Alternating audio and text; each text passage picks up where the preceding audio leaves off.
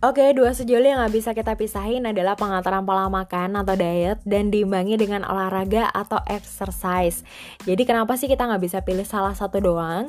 Oke, yang pertama kita mau bahas tentang pengaturan pola makan atau dietnya dulu. Biasanya kita selalu berfokus ke kalori defisit. Jadi kita berusaha untuk makan sesedikit mungkin. Jadi walaupun kita makan makanan yang sehat, tapi mungkin kita benar-benar ngatur banget berapa kalori yang masuk ke tubuh kita.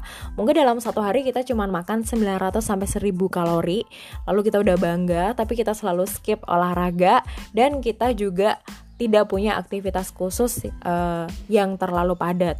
Jadi intinya hanya fokus ke ngurangin makan doang. Nah, apakah efektif? Sebetulnya enggak, karena badan kita itu selalu berusaha membakar kalori seperti kalori yang masuk juga.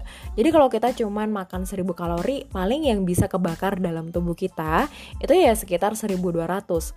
Untuk bisa ngebakar 2000 kalori atau lebih itu akan sangat susah karena kita skip olahraga gitu. Dan aktivitas kita juga nggak terlalu padat. Jadi kurang efektif.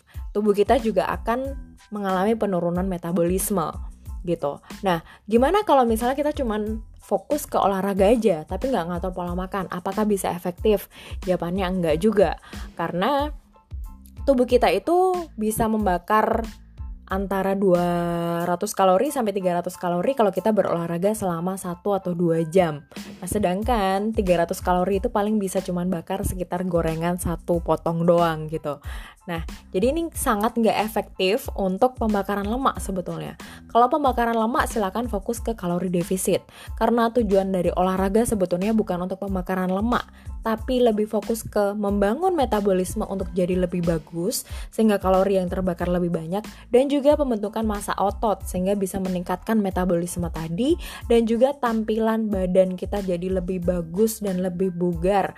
Selain itu kita juga jadi orang yang gak mudah capek gitu karena aktivitas kita sudah banyak gitu. Jadi dua hal ini sangat penting untuk dilakukan bersamaan yaitu mengatur pola makan dengan menu-menu yang sehat juga, tapi kita juga harus imbangin selalu dengan olahraga supaya masalnya kebentuk dan metabolisme kita jadi lebih bagus. Sehingga kalau kita rebahan doang atau mungkin dalam satu hari itu kita lagi traveling kemudian kita nggak olahraga itu masih fine fine aja. Nggak akan membangun lemak yang gimana gimana gitu. Asal besoknya kita back to rules lagi gitu. Jadi dua hal itu penting banget untuk dilakuin bersamaan. Jangan pernah pisahin salah satu karena bisa jadi dietnya gagal hanya karena kita nggak ngelakuin keduanya dengan cara yang benar.